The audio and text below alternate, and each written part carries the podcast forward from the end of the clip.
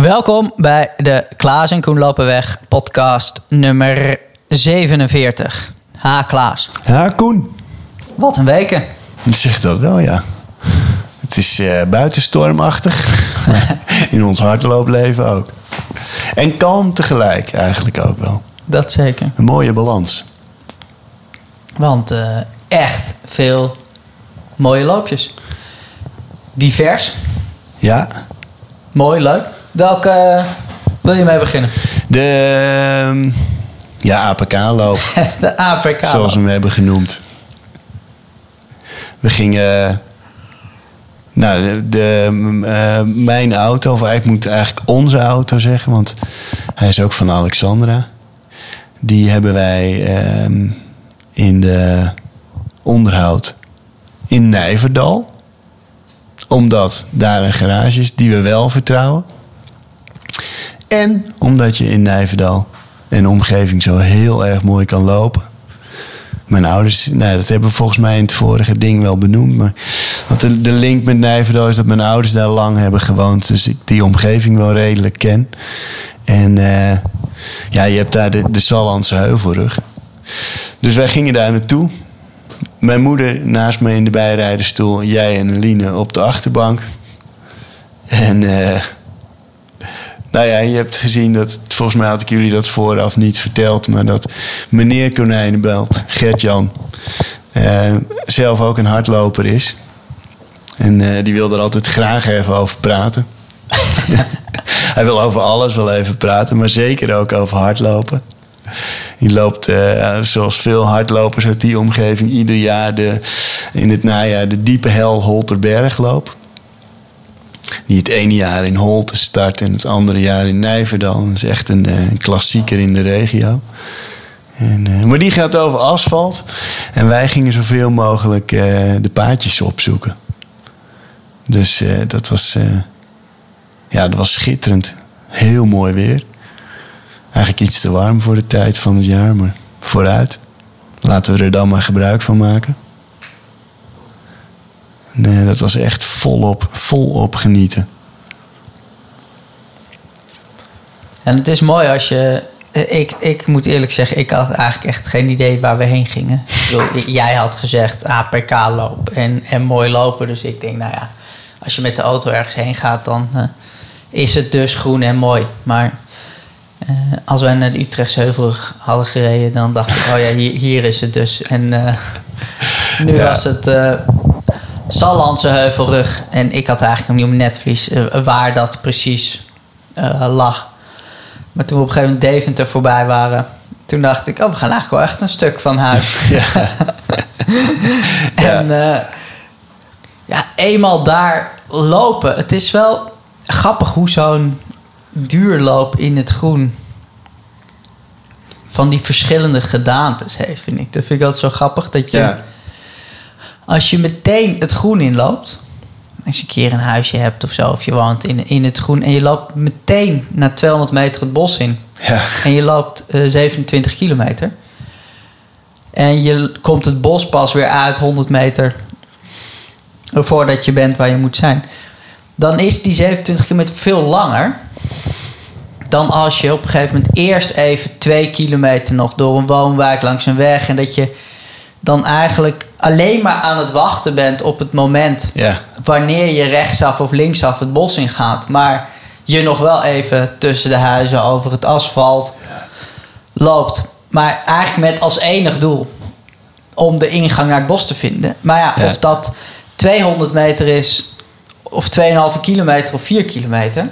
Ja, dat maakt in je gevoel van die afstand niet zoveel uit. Want je, Nee. je bent gewoon op weg naar het bos, punt.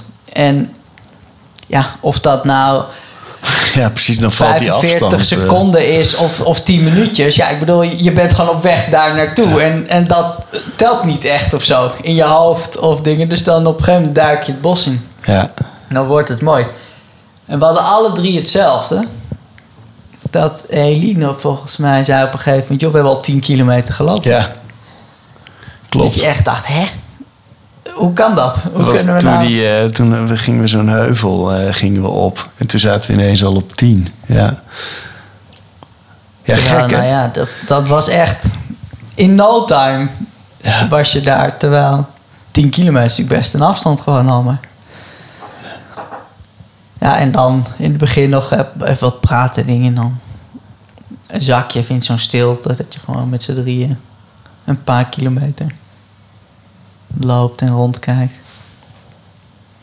En dan naar het eind op een gegeven moment trekt er weer iets van koffie of lunch. En dan eh, komt het vooruitzicht van uh, ah, over twee kilometer even zitten in een bakje.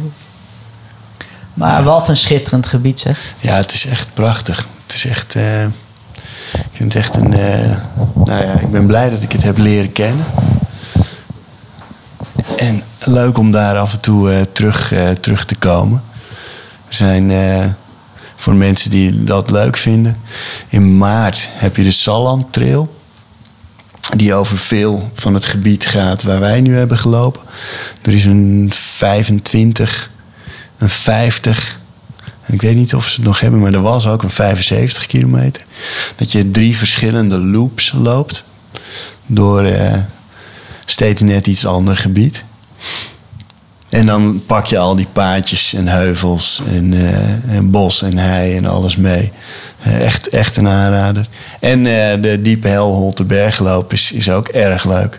Dus ik denk dat je het een beetje kan vergelijken met de Zeven Heuvelen. Ook op en neer. Een strook asfalt door het natuurgebied heen. Met helemaal aan het eind ga je dan het dorp in. Dus of Holt of Nijverdal. En uh, ja, dat is ook echt een aanrader. Het is leuk, uh, echt mooi loopgebied. Dus dat was echt uh, ja, heerlijk.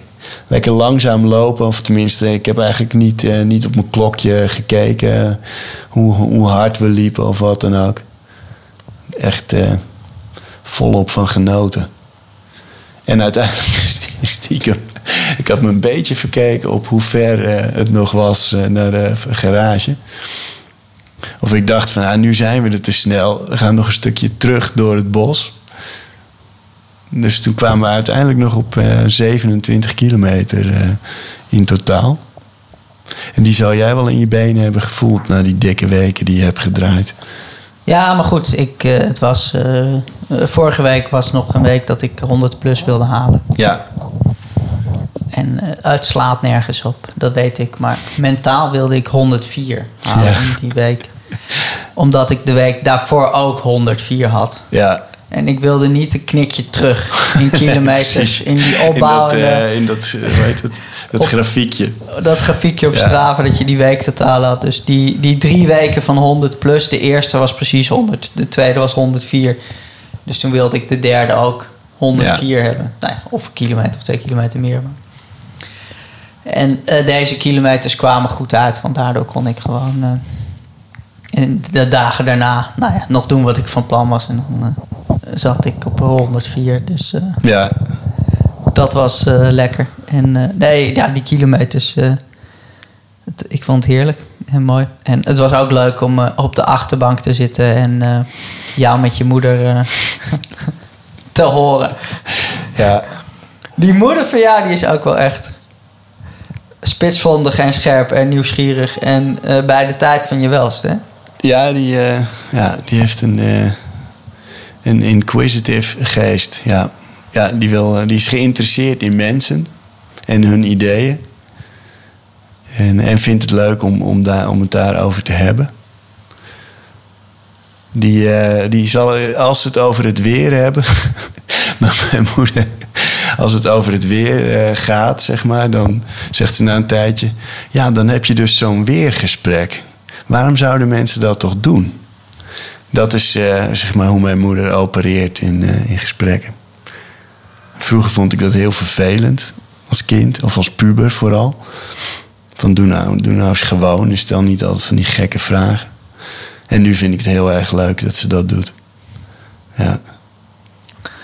Dus ja, het ging over uh, de omgekeerde vlaggen langs de snelweg. Ja. Geluk, geloof, zingeving. Ja. Verslaving. Verhuizen.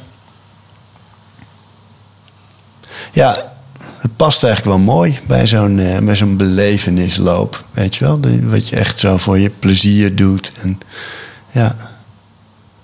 Een mooi pakket voor de dag.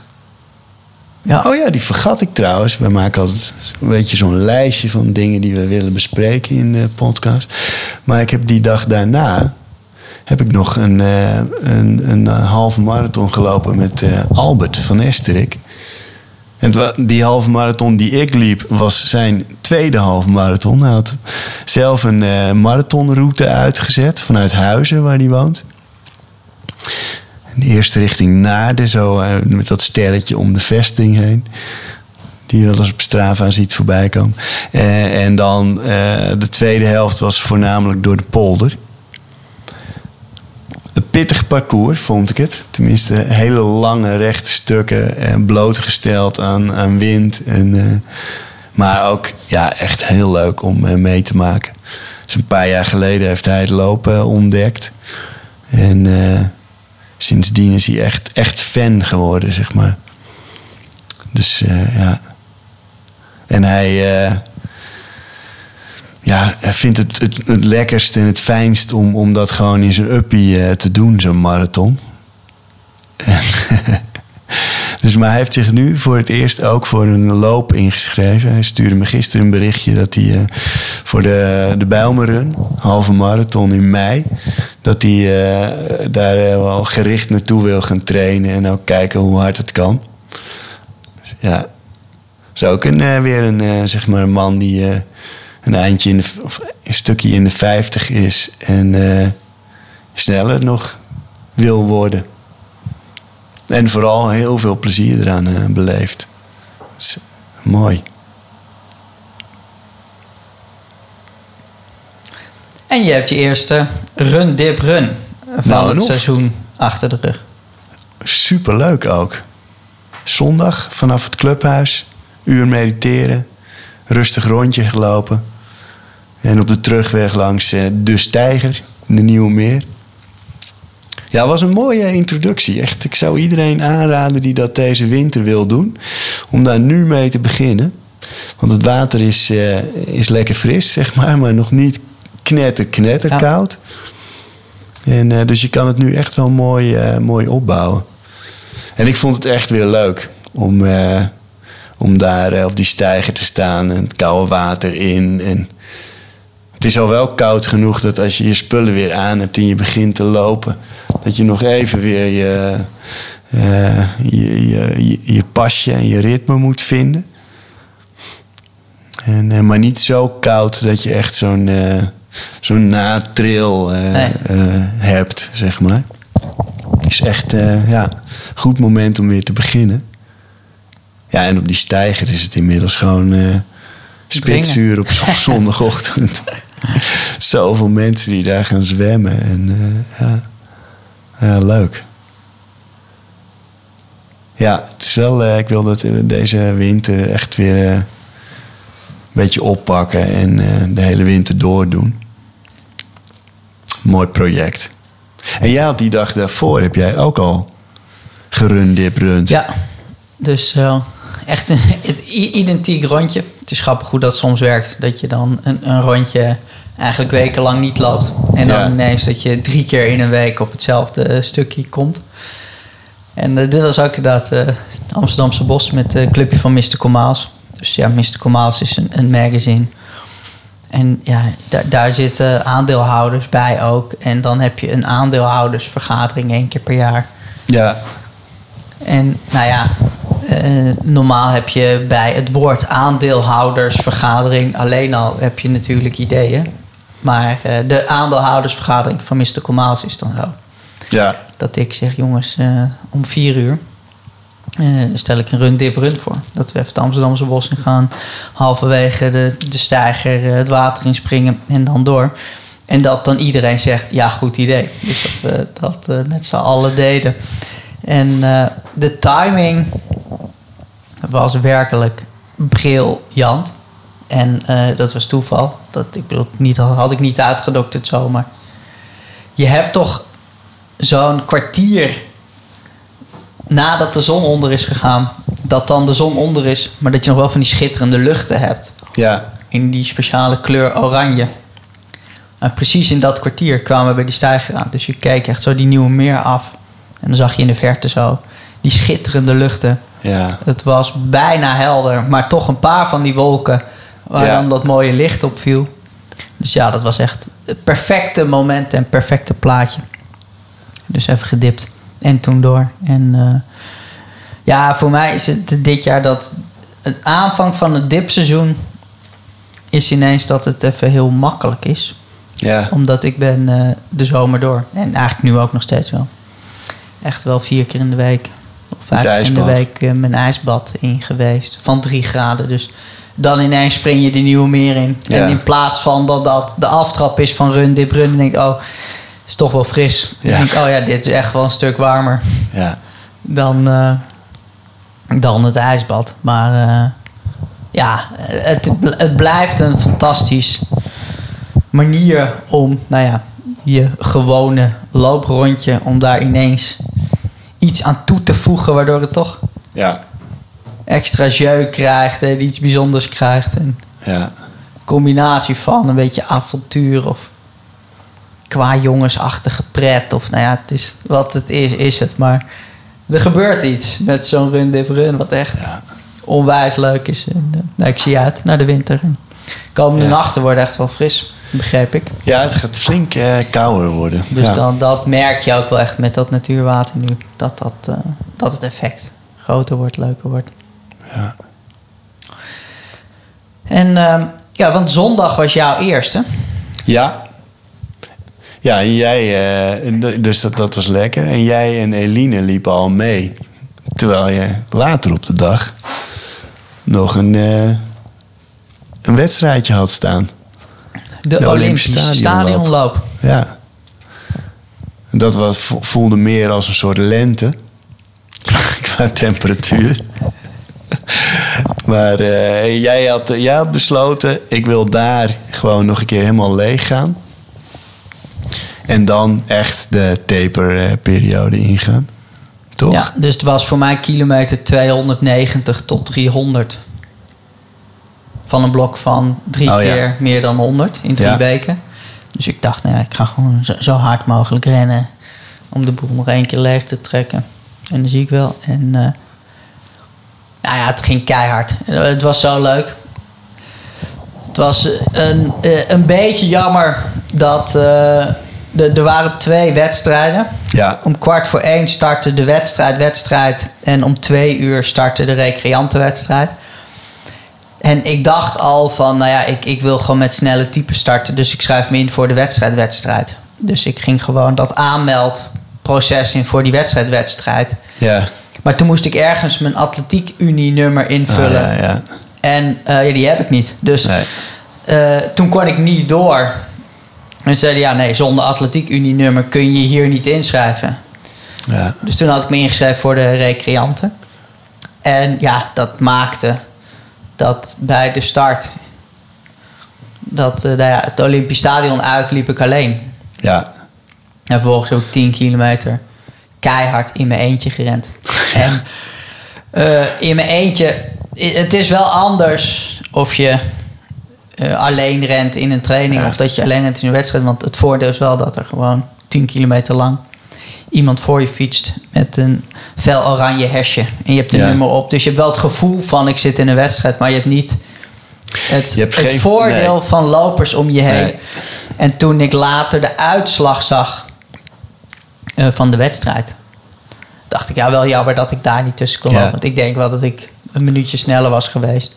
Nou, een minuutje is misschien overdreven. Dus wel Nou ja, sneller. Maar ik was geval. zeker sneller. Ik was daar wel in meegegaan. In, kijk, aan Bas Stichter heb je natuurlijk tien keer helemaal niks in zo'n wedstrijd. Want ja, die loopt zo krankzinnig hard. Eh, die zie ik ook niet. En Nee. er was nog één of twee sneller. Maar daarna kwam best een plukje Ja. in de 33 minuten. Nou ja, bedoel, als je met een wedstrijd loopt en je bijt je daar vast, dan was me dat wel gelukt met, eh, met diep gaan. Maar goed, keihard gelopen en eh, goed diep gegaan.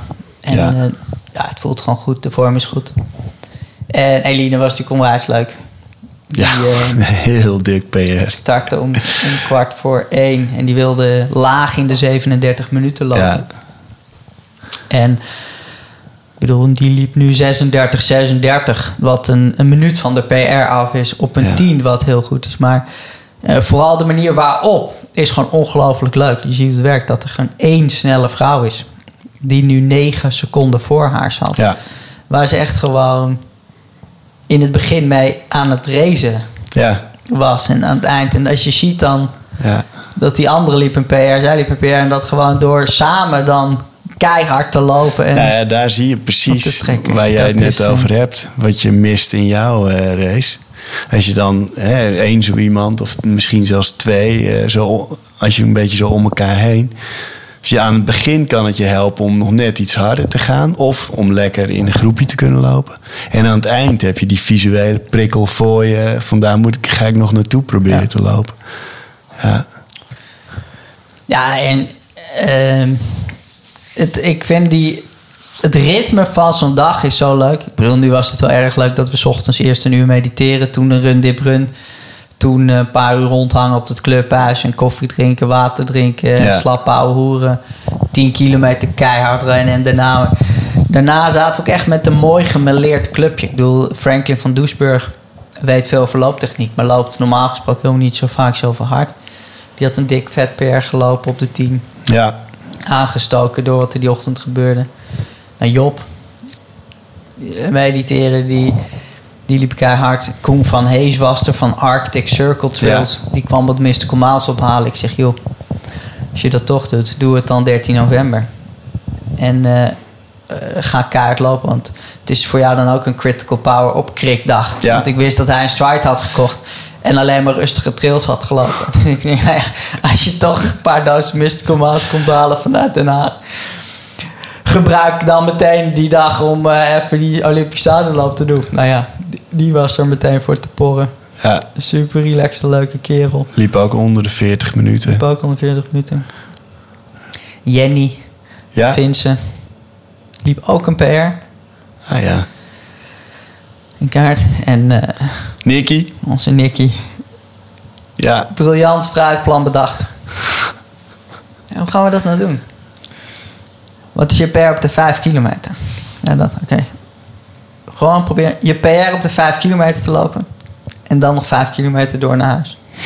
Keihard, over Ja. keihard start gesproken. Ja, die ging ook weer. Ik weet niet of hij nou helemaal tot het gaatje ging. Aan het eind kon hij dan toch ook weer versnellen. Maar hij startte toch ook wel keihard. Maar, nou ja, mooi. Ja. Ja, ik weet niet of die tussengelegen kilometers. Misschien dat je dan ook wel na die vijf ietsje terugschakelt. Of je nou wil of niet. Dat je denkt van oké, dat is gelukt. Misschien. En inderdaad, aan het eind... ik, ik riep nog... Nicky, eindsprint!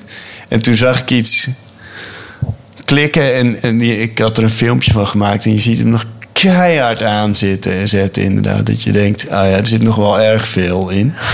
Ja, ja mooi. Echt leuk.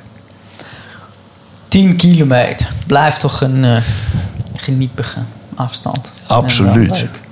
Maar eh, weet je, d- het is- als je hem hard kan doen, zeg maar, je, je bent, eh, loopt jezelf echt leeg, dan is het, geeft hij ook wel heel veel voldoening, Ja. vind ik.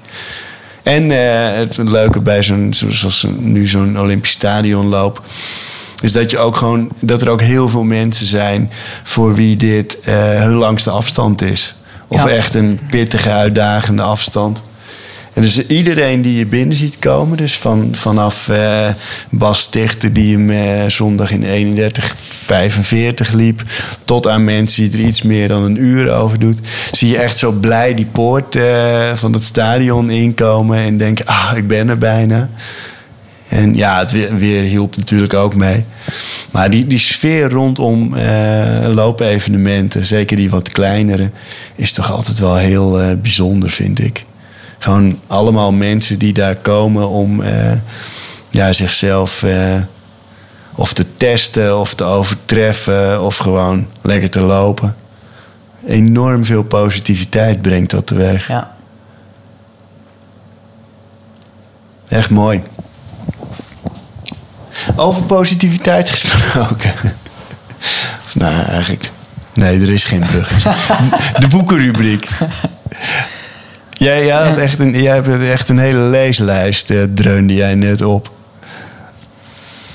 Ja, sinds de vorige keer had ik uh, Maakt Geld Gelukkig gelezen van Ab Dijksterhuis voor een blogje. Daar gaan we het verder niet over hebben. Dat was niet zo heel interessant. Is het antwoord nee? Denk ik. Het antwoord is, uh, nou ja, volgens de onderzoeken is het antwoord ja. Maar uh, reken maar. Als jij van lopen leuke vrienden en mediteren een betekenisvolle dagindeling maakt en je geniet daarvan, dat dat uh, een, voor mijn gevoel een kortere weg is naar geluk dan de ingewikkelde omweg via uh, de drijfveer om veel geld te verdienen. Dus ik zou zeggen, ode aan lopen, ode aan mediteren. Dat is samengevat Ab Dijksterhuis met Maakt Geld Gelukkig. Maar de vorige keer zei ik dat ik was begonnen in King, een boek van Michel van Egmond. Van over Chris Gian. Ja. En ja, ik vind het een, een mooi boekje. Ik had wat dunne boekjes uh, gehaald. Want ik denk, het is ook op een gegeven moment wel lekker om een boek gewoon uit te lezen. In drie avonden en dan weer een nieuw boek te kunnen beginnen. Ja. Dus even de dikke pil aan de kant. En nou ja, King van Michel van Egmond is echt een boek, dat, dat lees je zo uit. En het is over de voetballer van Feyenoord. Die, en uh, het, het gaat erom nou ja, dat hij uh, zeer, zeer, zeer gelovig is. En dat hij nou ja, uh, mensen vertrouwt en goed wil zijn. En dat iedereen die hem om geld vraagt, dat hij die geld geeft. En eigenlijk nou ja, zelf achterblijft met schulden en dingen. En dan weer in de haven uh, gaat werken.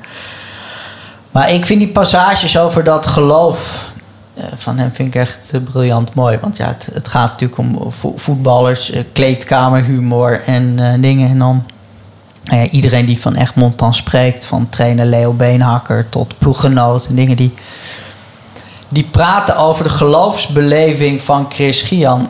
Niet lacherig, niet ja, maar God bestaat niet of dingen. Terwijl dat zijn allemaal mensen die zelf niet zoveel hebben met geloof, maar die dan wel de geloofsbeleving van die Chris Gian. Iedereen heeft daar op een bepaalde manier bewondering voor. Of nou ja, Ja. laat dat helemaal in zijn waar. Omdat hij dat zo vol overtuiging doet. Ja. En omdat hij fysiek zo echt verandert op het moment dat hij gaat bidden. Dat hij zich tot zijn God wendt en aan de gang gaat. Nou, ik weet niet. De, de kracht die daarvan uitgaat, wat hij daaruit haalt, vind ik mooi Ja. Om te lezen. En ik vind het heel mooi om te lezen dat als je ergens zelf gewoon vol overtuiging achter staat, dat daarmee hoe andere mensen daarop reageren, Ja. ook vanzelf respect afdwingt of verandert. Dus als je dingen vol overgave doet, ja, dat dat zo'n Ja. belangrijk onderdeel is. En ja, ik denk dat dat op verschillend gebied is. Maar ik vind dat erg, erg mooi. En uh, ja, mooi om, mooi om te lezen. Ja. En uh, daarnaast heb ik mijn lievelingetje Haruki Murakami. Er is een boekje dat ik nog niet gelezen had. De aardbe na de aardbeving. Het zijn vijf losse verhalen. En aardbeving staat nou ja, centraal is de gemene delen, zijpelt door in al die verhalen. Maar ja, ik, heb, uh, ik, ik doe vaak dat ik achter in een boek met een pennetje dan de bladzijnummers opschrijf. Ja. En dan iets onderstreep wat ik dan leuk vind. En dat zijn vaak dan metaforen. En of ik, het kan ook dingen zijn waarvan ik juist denk, dit is niet goed. Maar dat ik dan als schrijver denk van, hé, hey, dat is slordig gedaan. Dat, dat kan toch beter dat het een geruststelling is. Dat Ja. de allerbeste schrijvers van de wereld wel eens steekjes laten dat, vallen. Of ja. een beetje lui zijn. Soms is het dat, maar meestal zijn nou ja, of mooie metaforen of dingen die ik spitsvondig vind. En ik, ik las jou er net eentje voor Ja. toen ik het opensloeg en, en het erbij pakte. En ik schiet er nu weer van in de lach, nu, nu ik hem zie. Want eh, ik zal even de... Een, het is een bijpersoon, dus de hoofdpersoon die, die maakt van alles mee. En die, die wil op een gegeven moment iets vertellen over wat ze voelt. En dan zegt deze figuur... Ik begrijp uw gevoelens heel goed. Maar als gevoelens eenmaal in woorden zijn uitgedrukt, veranderen ze in leugens. ik weet niet, ik word zo vrolijk van dat zinnetje. Mooie observatie. Ja. Haruki. Ja, ik zit nog te denken. Jij vertelde net over eh, Chris uh, Gian en over zijn. hoe, hij zich in die kleedkamer dan opstelt. En, um, en ook dat heeft nog een relatie naar mijn moeder. Die was ook altijd zeer uitgesproken in haar geloofsbeleving. En, um, en dan zeiden we, ah, maar moet dat nou? En dan had ze altijd een Bijbeltekst. En, en die ging of een, een, zin uit de Bijbel. Ik, want ik schaam mij het evangelie niet. En uh, ja, dus hè, als christenen, mensen hebben het wel eens over uh, drammen en je moet het een ander niet opdringen.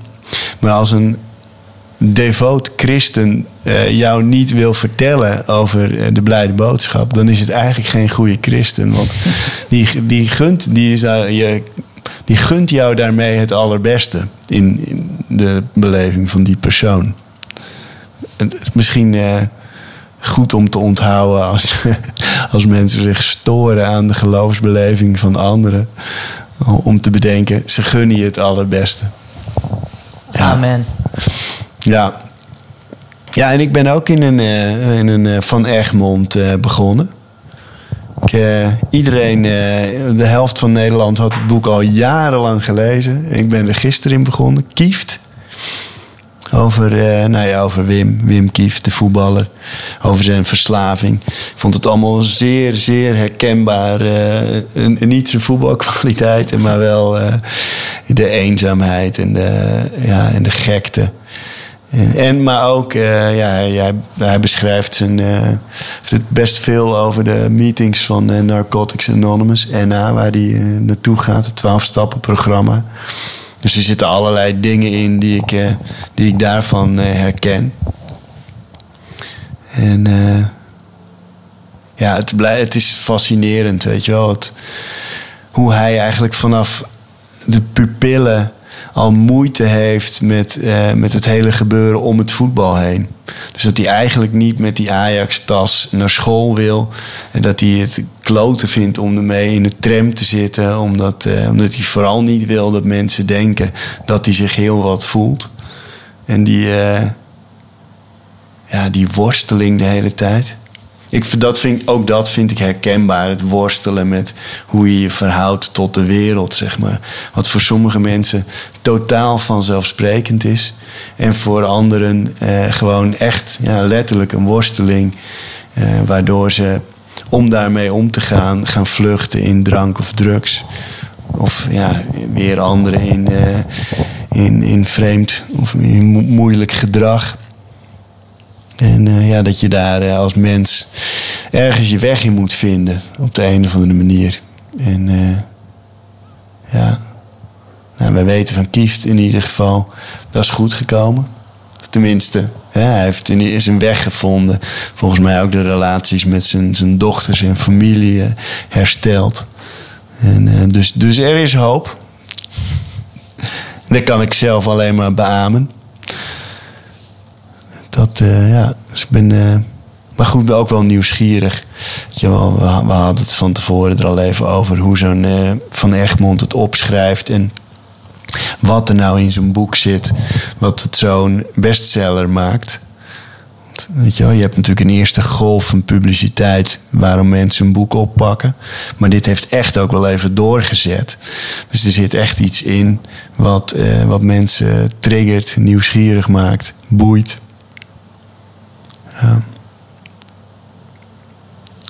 Dus dat zijn we aan het doen. En dan is er nog één loop. Ook, één loopding wat we nog niet behandeld hadden. De Twiske Molenloop. Die is ook nog geweest. Ja, dat voelt alweer een tijdje geleden. Echt, hè? Maar die uh, was natuurlijk na uh, dat wij deze podcast twee weken geleden opnamen. Ja. Die, die zondag daarna. 6 november. Ja. Jij dat ging, was uh, feest. Jij was daar aan de start. Jelle was daar trouwens aan de start, want die, liep ook een, uh, die liep onder de 40 minuten. Dat is een mooie mijlpaal. Eline was daar en die zou eigenlijk gewoon een rustig tra een trainingsloopje doen. Totdat er een uh, vrouw voor haar liep. en ze dacht, ja, ik, nou wil ik eigenlijk ook wel winnen. En eh, nou ja, het liep eigenlijk nog steeds submaximaal. Want ze is zeker niet tot het uiterste gegaan. Maar werd toch even eerste op de 10 Engelse mijl. Ja. En jij ging eh, vanuit Bosselommer of vanaf het clubhuis? Eh, vanuit hier, vanuit Bosselommer, ja. Naar Vanuit. Noord gerend, hard gelopen. Ja. Hoe heb je het aangepakt, die inloop? Dus nou ja, het is sowieso leuk. want het, is door te rennen naar Landsmeer. Het, is, eh, het was 10 kilometer. Maar je hebt halverwege het pontje. En Ja. het pontje neem ik eigenlijk bijna nooit tijdens hardlopen. Dat incidenteel, maar dat op zich is al lollig. Dat je Ja. naar zo'n pontje loopt, even op zo'n pontje staat. En dan dat gebied bij het NDSM-terrein op rent. Wat er gewoon een, een leuk hoekje is van Ja. Amsterdam. En daarheen te rennen is leuk. En ik had, eh, ik, ik had gewoon rustig eh, gelopen. En één keer twee kilometer en één keer één kilometer alvast op marathon voltage. Ah ja, ja. Eh, bij dat inlopen gedaan. En toen die eh, halve marathon op eh, marathon voltage. En ja, die loop die gaf zeer veel Ja. reden tot vreugde en, en groot vertrouwen richting Valencia. Want ja, ik hield me aan marathon voltage, 289 watt. En ik liep die halve marathon in 1 uur 14 minuten Wauw. en 22 seconden. Ja. Dus, nou ja, dat is... eh, eh, en het is een PR voor mij, wat, wat ik leuk vind. Ja, Natuurlijk sowieso. mee. En ehm, ja, het belangrijkste natuurlijk, ja, dat ik liep op marathonvoltage. En die tijd, die half marathon was onder de 1 uur 15. Dus Ja. als Stride gelijk heeft en als het goed valt in Valencia, dan wordt een tijd van onder de 2 uur 30 eh, mogelijk. Ja. En eh, nou ja, dan, ik kreeg na afloop ook de vraag: hoe kan dat? Want de CPC-loop, mensen Ja. die mij op Strava volgen en of trainer zijn of er echt opletten, Ja. die kreeg ik van drie mensen de vraag: joh, hoe kan dit nu dan? Want de CPC-loop eh, liep je toch helemaal tot het gaatje. Niks, geen marathonvoltage, liep gewoon tot het gaatje. Ja. En liep je 1 uur 15, 03. Dus haalde je net niet onder de 1 uur 15.